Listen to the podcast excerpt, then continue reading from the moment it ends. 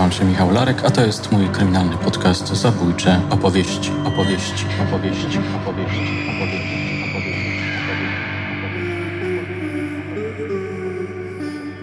Morderca rodem z horroru. Zanurzył ostrze w karku aż po samą rękojeść. Szarpnął mocno, poszerzając ranę i odsłaniając tkwiący w gardle język i ropiejące migdały. Siłował się przez chwilę, próbując przeciąć twardy rdzeń kręgowy. W końcu kość pękła, a głowa chłopca bezwładnie opadła na podłogę. Korpus runął bezgłośnie na miękki dywan i zalał białą wełnę strumieniem krwi. Sinobrody chwycił czerep ofiary, uniósł go z namaszczeniem w górę, spojrzał na skrzywione w cierpieniu oblicze Żana, na jego zastygłą w krzyku twarz. Zbliżył jego głowę do swych ust, ucałował lubieżnie łepek, wpychając do jamy gębowej język. Pieścił oralnie oderżnięty człon, zatracając się w diabolicznej ekstazie. Ścisnął dłonią swoje prącie, by pogrążyć się w błogiej, seksualnej rozkoszy. Uklęknął nad okaleczonymi zwłokami i doprowadził się do orgazmu.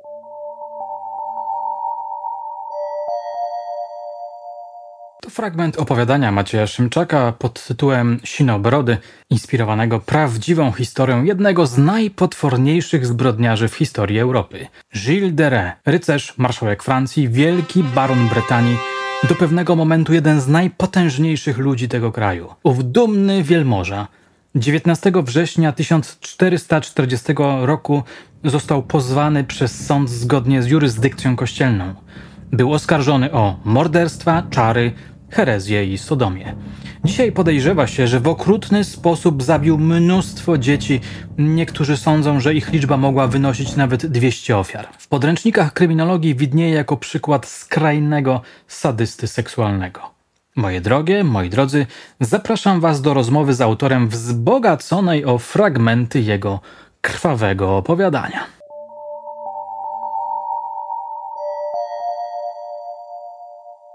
Gilles de Rais. Gilles de Skąd zainteresowanie tą potworną postacią? Generalnie Gilles de to jest postać prost idealnie wpasowująca się w horror. Szukałem akurat takiej postaci, takiej mniej wyeksponowanej przez popkulturę. Akurat okazało się, że Gilles de Rais w, w, w ogóle nie jest e, bohaterem żadnej z, sza, z, szacownych powieści. Żaden autor wcześniej nie wyeksploatował tej postaci. A ja Poznając jego historię, bardzo się zafascynowałem tą postacią, gdyż on idealnie się podpasowuje e, pod gatunek, w którym ja siedzę, czyli e, horror historyczny. Ja uwielbiam łączyć horror i historię. A, a, a życiorys tego, tego francuskiego, brytyjskiego arystokraty jest wprost idealny pod ta, ta, taki creepy scenariusz. Mhm. Dla, dlatego też stwierdziłem, że no, muszę to zrobić, bo jak ja tego nie zrobię, to ktoś inny to zrobi i nie będę pierwszy. Okej, okay, ale z redaktorskiego obowiązku musiałbym jednak powiedzieć, że ta postać jednak jest dość popularna i częsta. Nawet wszedłem sobie hmm. na stronę polskiej Wikipedii i tam mamy bardzo długą e, listę wykorzystań tej postaci w popkulturze. Co ciekawe, tę listę, jeśli dobrze pamiętam, zamyka niejaki Maciej Szymczak. Dokładnie tak. Masz rację, że oczywiście jest e, to postać obecna w popkulturze, ale nie w powieściach grozy. Mhm. No właśnie, dlaczego mówisz, że do powieści grozy, do horroru pasuje ta postać? Jakie elementy jego biografii czy osobowości pasują tam? No, w pewnym sensie przypomina mi trochę Vlada Tepesza, jest równie e, okrutną osobowością, tylko że e, e, o, ile można, o ile właśnie mm, Vlad Tepes, czyli słynny Dracula, on e, mógł, mógł, sobie na to wszystko, że tak powiem, pozwolić, bo, bo walczył z Turkami, walczył z wrogami narodu, o, o, o, tyle Gilles de Reis był taką postacią skrytą. On y, wśród tych wszystkich, y, wśród dworu był osobą taką zacną, szanowaną. Y, nikt, nikt nie podejrzewał, jakie ma mroczne skłonności. I w ogóle on zrobił oszałamiającą karierę u boku Janny d'Arc. Wszyscy znamy Jannę d'Arc bohaterkę, która niestety później spłonęła na stosie.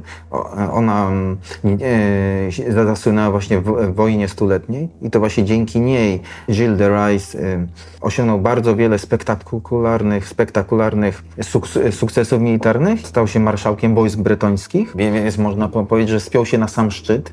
Miał wiele majątku, był osobą bogatą i szanowaną, ale W związku z tym, że był też e, osobą bardzo rozrzutną, organizującą huczne zabawy, huczne przyjęcia, to szybko tą swoją fortunę roztrwonił. Okej, okay, to, to może potem no, jeszcze do tego mhm. wrócimy. Dwie rzeczy. Po pierwsze, wyczytałem u historyków, że później okazało się, że te jego sukcesy militarne E, tak e, spektakularnie przedstawiane wcale nie były e, takimi. Nawet Michel Erubel mówi, że jego zasługi u boku Joanny Dark były mierne, miał jakiś mały, miał mały oddział, ale rzeczywiście ta fama pomocnika rycerza była ważna i ona sprawiła, że on w pewnym momencie pojawił się na dworze króla, no i tam został marszałkiem. Ale e, okej, okay, no okrutnik. O, o, czytamy w kryminałach, oglądamy w serialach kryminalnych o okrutnikach, ale to jeszcze nie jest horror, bo horror to jest jednak gatunek, gdzie mamy do czynienia z jakimiś demonami, diabłami, ponad, ponadzmysłowymi wydarzeniami, paranormalnymi e, zjawiskami. Dokładnie i w życiu e, naszego arystokraty Gilles de Reis jest pełno tych motywów, gdyż właśnie jak wcześniej wspominałem, poprzez swoją rozrzutność popadł on w długi e, i w nie lada kłopoty finansowe i dlatego właśnie za pomocą czarnej magii, magii paktowania z demonami starał się tą e, fortunę odzyskać. Dla, dlatego też wszedł w kontakty bardzo ciekawą postacią, także dla, dla, dla mojej właśnie e, opowieści, z Franceskiem Perlati, który był mistrzem czarnej magii i który został przez niego zatrudniony. I to można powiedzieć, że właśnie ten mistrz Perlati przywołał demona, którego nazwał Baron, i, i, I, od tego wszystko się zaczęło. Cała mroczna historia związana właśnie e, z Gillem de Reis, który jednocześnie był, który jednocześnie bardzo pasuje pod współczesnego seryjnego mordercę, pe, pedofila, gwałciciela, ne, nekrofila, jak, jak, jak i os, osobę opętaną przez demony, kontaktującą się właśnie e, z diabłami, okultystą. Mhm. Czyli, czyli, czyli to, to, co fani horroru lubią najbardziej. Czyli z jednej strony to okrucieństwo, które znamy z kryminałów, a z drugiej strony te konszachty e, z diabłami, z demonami. To jest już kwestia e, horroru. Bardzo ciekawy wątek dla mnie to jest ten wątek, kiedy on rzeczywiście, kiedy jest już na skraju nędzy, wyprzedaje kolejne zamki, zaczyna wierzyć, że można za pomocą alchemii tworzyć złoto i jakoś e, odkuć bardzo ciekawy wątek, taki hmm. trochę horrorowy, ale też z drugiej strony e, komiczny, pokazujący, jak ta postać w pewnym momencie była e, zagubiona. No, trzeba też powiedzieć, że to był trochę znak tych czasów. To był tyłek średniowiecza, początek renesansu, to były bardzo takie mroczne czasy, pełne przesądu, bo właśnie w tych czasach w Europie e, masowo zapłynęły stosy. Nie wcześniej, nie we wcześniejszych wiekach, ale właśnie pod koniec właśnie XV wieku była ta cała nagonka na czarownice i te wszystkie stosy szalały po Europie i właśnie też mniej więcej i właśnie też w tym wieku wyszedł, wyszło słynne można powiedzieć bestseller tamtych czasów, bo na czarownice, więc ludzie żyli tymi sprawami, diabłami, paktami,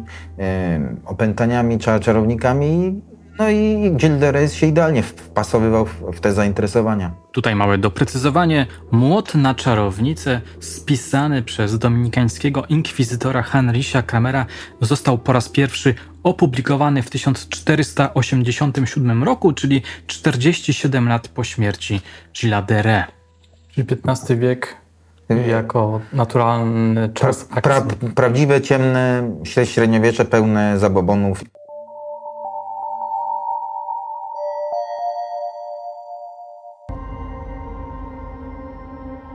Zebrani w kaplicy bracia upadli na ziemię i schowali głowy między kolana.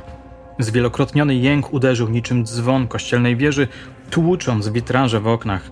Odłamki szkła rozprysły się w powietrzu, by z brzękiem upaść na ziemię.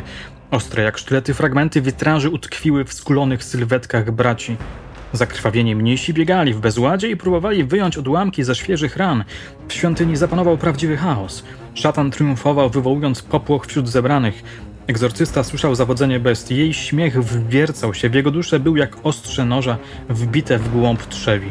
Głos demona dzwonił w uszach, powodując nieznośny ból głowy. Jam jest Barron! Król zepsucia, pan rozpusty.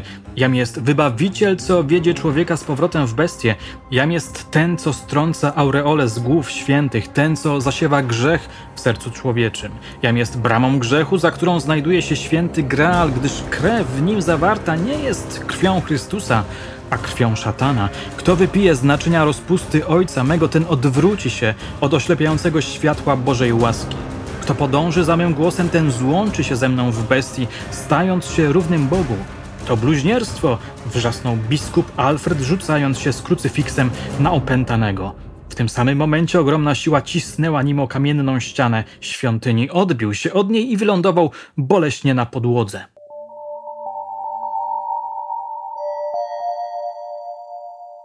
Jak wygląda profil e, sprawcy? Gdybyś zechciał powiedzieć o nim parę, parę e, zdań. No, e, z, z pewnością, jeśli chodzi o jego, że tak powiem, kryminalne cechy, to z pewnością sadysta działa, działający z pobudek lubieżnych, bo on tych chłopców, których zwabiał do siebie na zamek i wykorzystywał seksualnie, no, tak, także jest, są tu mo mo motywy nekrofilii. E, on po wykorzystywaniu seksualnie często e, dusił ich, po, po, po, potem ćwiartował. Dopuszczał się też takich niecnych, strasznych czynów, jak rozpróbał zwłoki, e, wyjmował narządy i populował również z trupami, czyli tutaj właśnie jest ta ne ne ne nekrofilia. Tu są też takie trochę nadnaturalne różne przyczynki tych jego zbrodni, gdyż on odcinał ręce i nogi tym dzieciom i ofiarował właśnie temu demonowi, baronowi właśnie tej w ofierze. No może tak powiem brzydko, połączył przyjemne z pożytecznym, czyli te swoje mroczne fantazje i posługę religijną dla wzbogacenia się, tutaj właśnie dla tego owego kamienia filozoficznego, który ten czarnoksiężnik miał mu stworzyć. Mhm. No więc to na, na pewno był też, no na pewno był, miał osobowość narcystyczną, bo tutaj, jak powiedziałeś wcześniej, wykorzystał trochę plecy Jany Dark, jej kosztem, e, znaczy u, u jej boku mm, rozkręcił swoją, e, swoją właśnie mm, karierę, e, milita- swoją, swoją karierę, karierę na, na dworze króla i być może rzeczywiście nie był takim zdolnym wojownikiem, ale pewnie był, pewnie był zdolnym manipulantem, zdolnym politykiem i umiał to wszystko wykorzystać, żeby spiąć się na, na wyżyny ówczesnej drabiny społecznej. Mhm. Interesowałeś się jego dzieciństwem? Tak, z, z, z tego właśnie, co, co na temat jego się dowiedziałem, był bardzo zdolnym dzieckiem, bardzo czytanym. E, wcześniej nauczył się czytać, wcześniej nauczył się pisać, mówił też biegle po łacinie. No i w ogóle był, no, ta, ta, odróżniał się właśnie od swoich rówieśników tym, że, był, że łatwo przyswajał wiedzę i był bardzo zdolnym dzieckiem. Mhm. Michel Rubel y, pod, pokazuje, że to jego dzieciństwo było bardzo też mroczne. E, po pierwsze miał, jego rodzice bardzo szybko umarli. Po drugie jego opiekunem był Jean de i to był niezwykle sadystyczny mężczyzna, przemocowiec, okrutnik, w sumie taki bandyta, gangster, który interesował się pomnażaniem e, majątku. Autor tej książki mówi też o tym, że bycie na zamku było takim dość przykrym doświadczeniem. Potężna przestrzeń, bardzo mroczna, ponura, gdzie ten młody chłopiec, który już gdzieś tam miał jakieś e, perwersyjne ciągoty, był pozostawiony samemu sobie. No, czyli to jest ciekawe. Samotnik. To jest ciekawe, czy XV wiek, czy XXI wiek. No, ci seryjni się nie biorą znikąd. Zawsze to jest jakaś trauma z dzieciństwa, która kształtuje to, tego człowieka i tworzy bestię. I, można, I to jest taka prawda, można powiedzieć, no, która się uanacznia przez wszystkie stulecia, przez mm, w wszystkich czasach, czy w średniowieczu, czy, czy u nas. I, to, i to, to jest bardzo ciekawe. Czyli zawsze zabójca skąd się bierze. Hmm. Nie, nie rodzi się zupełnie zły, może rodzi się z jakimiś predyspozycjami do czynienia zła, ale to złe doświadczenia, złe dzieciństwo takim go właśnie czynią. Gdybyś miał wskazać najciekawsze punkty w jego biografii, no, mnie a, a akurat najbardziej interesuje ta jego przemi mroczna przemiana wtedy, kiedy na jego dwór e, przybył właśnie czarnoksiężnik Francisco Perlatti e, i dzięki którego namowom e, właśnie on za, zaczyna realizować swoje mroczne fantazje, zwabia tych chłopców, zabija ich składa ofiary demonowi, yy, ba, baronowi. No i właśnie ten jego, bardzo mroczny epizod życia, to, jest ta, ta, taki właściwy epizod dla mojej powieści, no bo on łączy się z horrorem. No, no bo wcześniej, czy, czy wcześniej mordował, czy wcześniej zwabiał tych chłopców, na ten temat nic nie wiadomo. Mówi się, że pierwsze udokumentowane morderstwo miało miejsce w 1432 roku, więc to było jakieś 8 lat przed jego procesem mm. i zarazem e, śmiercią. No ciekawe, bo, w ogóle też trochę kontrowersji było na temat tego jego procesu, bo co ciekawe, właśnie w czasach właśnie nowożytnych, teraz już nie pamiętam, w którym to dokładnie było roku, czy to było w latach 90., właśnie francuska loża masońska starała się oczyścić imię Gillesa de Rais, twierdząc, że był to spisek, aby oczernić jego nazwisko. I był to proces prowadzony przed francuskim sądem, właśnie łącznie z czytaniem historycznych akt tego procesu. No ale, mm, że, że tak powiem, no, przegrali ten proces, nie udało mi się oczyścić te, jego, jego nazwiska. A co ciekawe, na jednym z jego zamków archeolodzy niedawno odkopali dziecięce kości. Były takie opinie, to miał być jakby spisek kościoła, to miał mm -hmm. być taki... Żeby zagarnąć jego majątek. Tak, no ale... Biskupa z Nantes właśnie. Tak jest, ale wydaje się, że jednak, że jednak nie był to e, spisek, nie była to, nie była to ugartowana gra Kościoła katolickiego. Po prostu Żidere mm, był prawdziwym mordercą. E, mnie też interesuje w tej postaci to, że, to, że jego opowieść o nim to jest tak naprawdę opowieść o nas, narastającym szaleństwie. E, mówiliśmy tu już troszkę o tym, że on w pewnym momencie jakby mm, popada w długi, ten jego tryb życia jest tak spektakularny, tak rozrzutny, że on e, traci pieniądze. To jest niesamowite, jak on wyprzedaje kolejne zamki, potem pojawiają się jego krewni, którzy sprawiają, iż król wydaje edykt, na mocy którego on nie może już hmm. wyprzedawać kolejnych zamków. On jakby od, odrealnia się e, kompletnie, opuszcza dwór zamieszkuje na swoim jednym zamku, drugim zamku, gdzie tam zaczyna tempować do piekieł, jakby wzmagając coraz bardziej swoje, swoją morderczą e, naturę. Więc mamy taką opowieść o człowieku, który całkowicie się zanurza w, tej, w tych swoich mrokach, w tych, w tych swoich demonach. Gdzieś tam ten racjonalizm kompletnie upada. Mhm. A jednocześnie e, są o nim na jego temat dobre opinie. Owszem, zaczynają pojawiać się w pewnym momencie pogłoski, no ale w związku z tym, że, był to post, że była to postać o, potężna, to, była, to był człowiek jeden z najbardziej potężnych we Francji, mający za sobą króla, innych wielmożów, no to bano się mówić o nim głośno, o tych jego podejrzeniach. Ale że on może być zamieszany w straszne rzeczy, mieszkańcy okolicznych wiosek wiedzieli, no bo znikali ich chłopcy, znikały ich dzieci, były powiązane z tym czy innym innym zamkiem. Więc z jednej strony mamy zmowę milczenia wokół potężnego pana, a z drugiej strony właśnie mamy potężnego pana, który już nie dba o, o rzeczywistość zewnętrzną. Jest tylko i wyłącznie skupiony na swoich instynktach. No właśnie w swojej powieści też się trochę skupiałem na tym jego obłędzie, pokazując jak bardzo w to brnie, jak bardzo, e, jak coraz dalszy jest od rzeczywistości. No tutaj ten obłęd to e, trochę utożsamiałem z tym diabelskim opętaniem gdyż w książce tam przedstawiam te różne sceny kaźni, kiedy on morduje tych chłopców, a potem po tym całym e, szale morderczym nagle przychodzi akt skruchy, akt, akt, akt e, pokuty i są w nim jeszcze jakieś resztki człowieczeństwa, gdzie on żałuje tych swoich czynów, no ale już e, z biegiem czasu coraz mniej żałuje, coraz bardziej w ten obłęd popada. No i to jest też ciekawa tutaj sytuacja, gdzie właśnie ten jego obłęd, ta, taki typ, te, utożsamiane właśnie z chorobą psychiczną, można to połączyć właśnie z tym diabelskim opętaniem, no bo jeszcze zwłaszcza w czasach średniowiecznych, no to tru, e, trudno było, że, że tak powiem, te dwie rzeczy rozdzielić od siebie. Mhm. Nie, było wtedy, nie, nie było wtedy psychologii, nie było dzisiejszej nauki i większość tych pewnie ludzi opętanych to byli po prostu osoby z, no, mocno zaburzone psychicznie. No właśnie, skoro zacząłeś troszkę mocniej, więcej mówić o swoim opowiadaniu, jak wyglądała praca nad tym e, tekstem? No, przy, no przede wszystkim e, na początku e, zbierałem materiały, zbierałem wiadomości, czy, czytałem różne portale, czy na portalach różnych, różne artykuły, czy to polskojęzyczne, czy to anglojęzyczne. No i tak, tak budowałem tą postać, budowałem tą historię.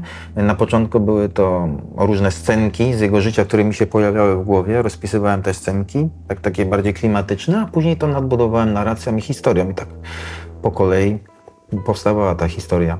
A, a, za, a, zaczęło się wszystko od jednej mojej wizji, kiedy jeden z chłopców zostaje przyjęty właśnie e, do, do, do hrabiego Gilles na służbę i, i, i właśnie jeden z jego sług, Poutier, ciągnie go przez ciemny korytarz, chłopiec jest przestraszony, nie wie co się dzieje. Tak, pamiętam ten obrazek. I prowadzi go do komnaty, gdzie czeka już na niego jego oprawca i chłopiec nie wie, co go tam czeka. Tak, I to była taka pierwsza scena, która mi się pojawiła w głowie w związku z tą postacią i od tej sceny tak wszystko się zaczęła, ta, tak, ta historia tak ze mnie zaczęła wychodzić. Od tej postaci. Mhm.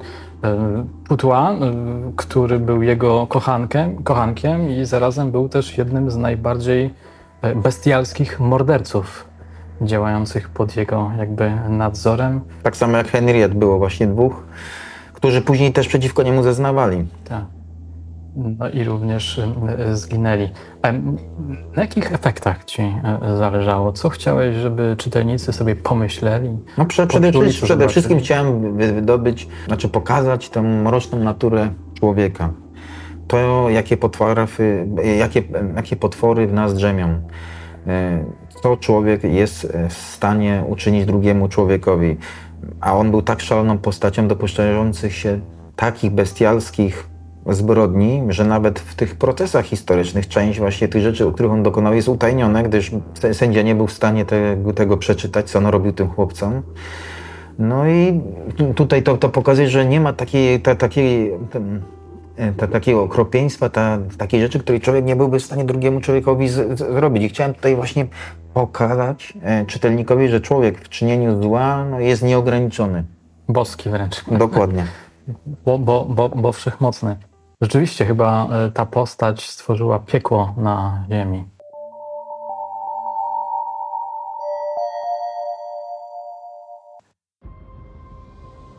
Sinobrody zacisnął dłoń na kruchej szyi Adelaidy i przytrzymał. Jej twarz posiniała z braku powietrza.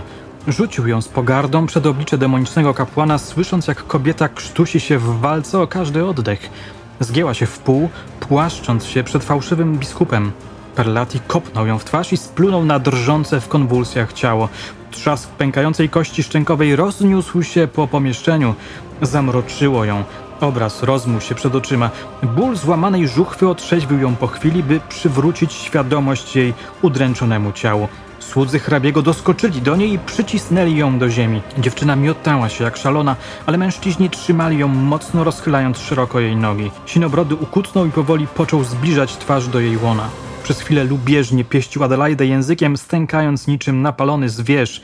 W końcu zacisnął zęby na łechtaczce, gryząc ją z całych sił. Gwałtownym ruchem szarpnął głową i odgryzł jej klitoris. Krew trysnęła mu prosto w twarz.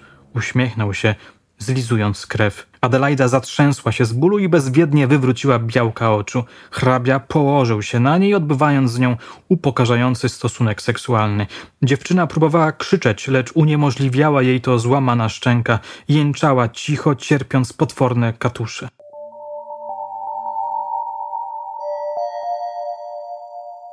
Ale odszedłeś troszkę od niektórych faktów.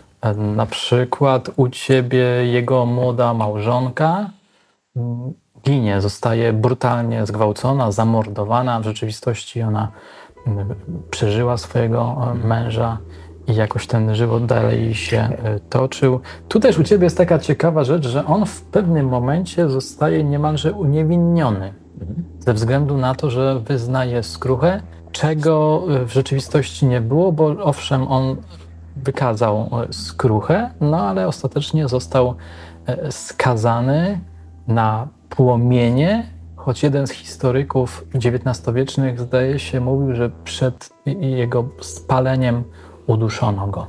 Mhm. Więc jeśli chodzi o historię z jego żoną, to tutaj trochę e, nawiązałem do słynnej baśni Sinobrody braci Grimm, i tam właśnie jego młoda żona, Sinobrodego, która świeżo poślubiła, złamała jego zakaz i otworzyła zakazane drzwi, gdzie właśnie tam były, mm, za, za, za tymi drzwiami były, e, zgodnie z tą baśnią, głowy innych żon, którą wcześniej zamordował. No i tutaj jakby nawiązałem do tej baśni, po, okay. po, połączyłem historyczne fakty z tą baśnią e, braci Grimm i, i, dlatego ta zmiana. Taki pomysł miałem na to. No a jeśli chodzi o jego śmierć, no to też chciałem tutaj trochę pokazać ta, taką przewrotność polityki, przewrotność ludzkiej natury, że często ludzie źli, okrutni unikają kary, gdy mają jakieś powiązania, gdy mają silne zaplecze polityczne za sobą.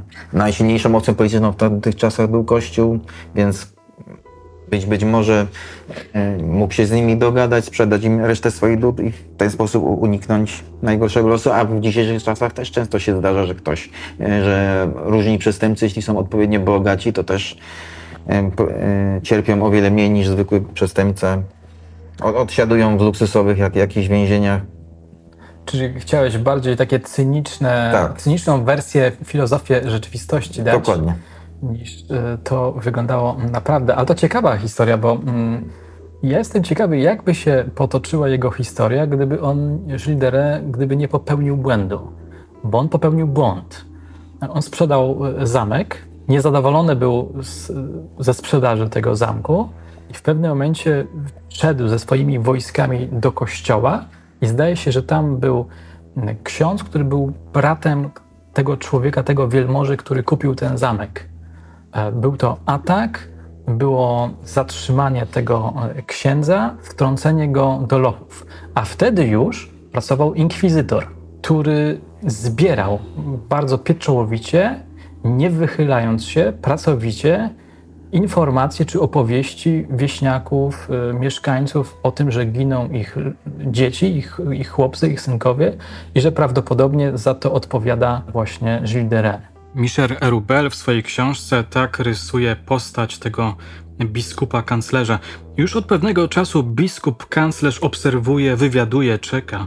Pogłoski krążące od dawna wieści rozmowy nie omyliły go. Któż by teraz wątpił w Dolnej Bretanii, w Andegaweni, w Wandei, w Putła, że ten nieuchwytny, tajemniczy, posępny baron jest sprawcą co najmniej setki porwań chłopców i dziewcząt – z łatwością można by spisać ich listę w ciągu kilku dni.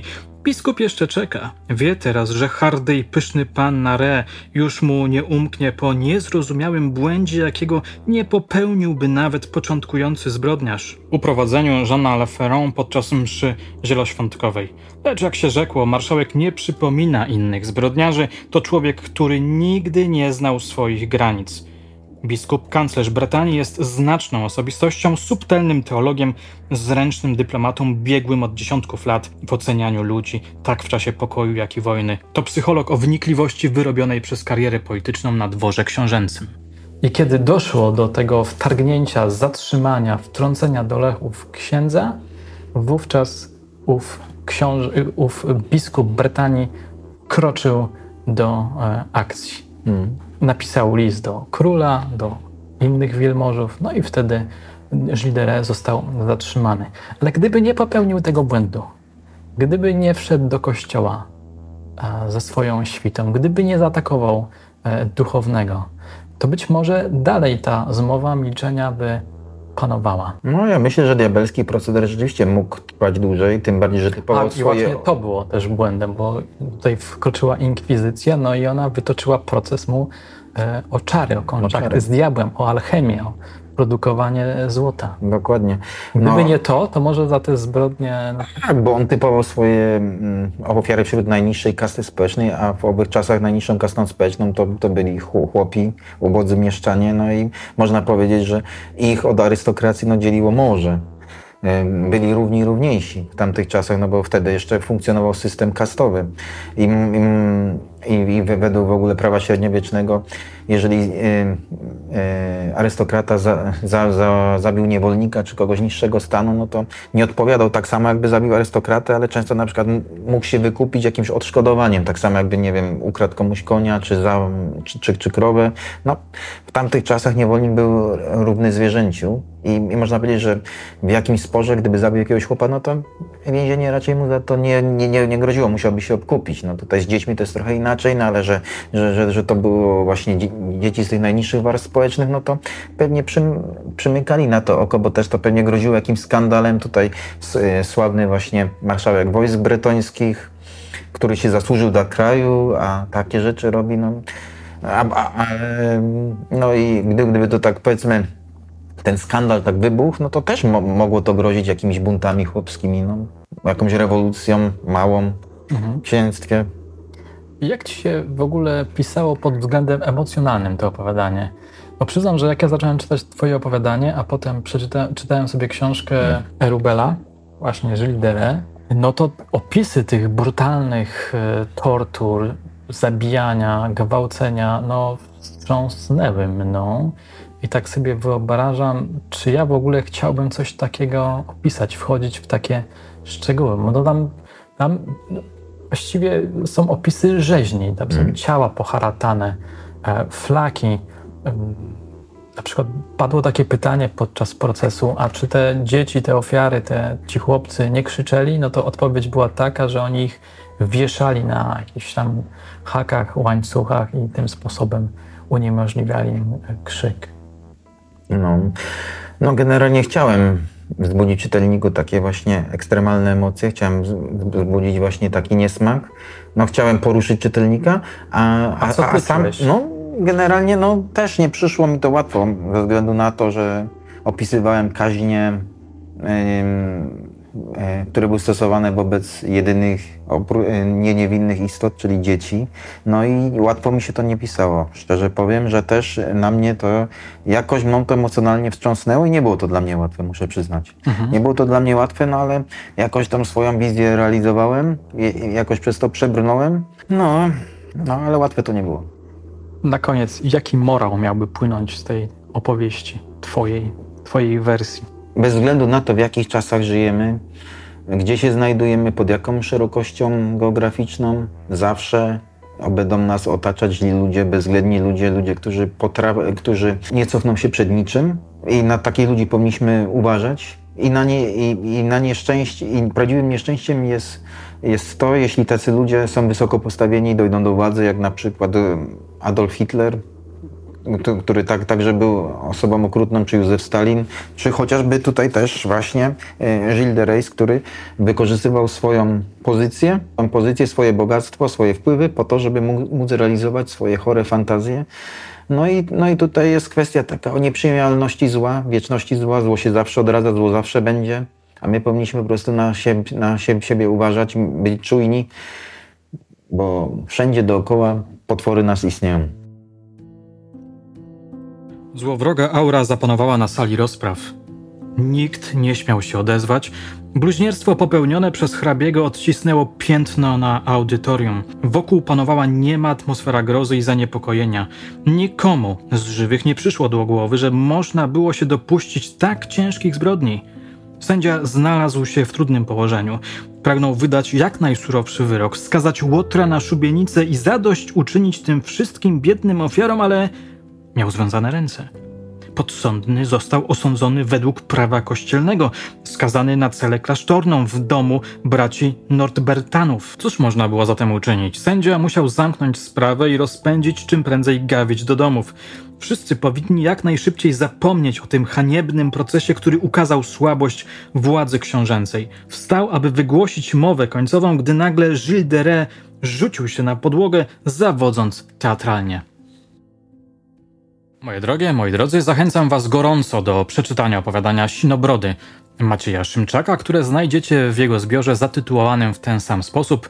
Ma bardzo ciekawe, szokujące zakończenie. Nie macie wyjścia, musicie je przeczytać.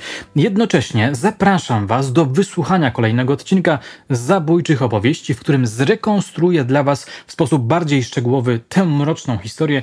Powinno to się zdarzyć w ciągu najbliższych tygodni. Moim przewodnikiem będzie Michel Erubel, który tak napisał o Sinobrodem z XV wieku. Utrata rodziców, brak miłości, czułości, rzetelności w edukacji moralnej, później zaś, w 20 roku życia, odziedziczenie fortuny, która czyni zeń nad wyraz uprzywilejowanego młodzieńca, tylko jeszcze pogłębiły otchłań. Do usłyszenia już niebawem.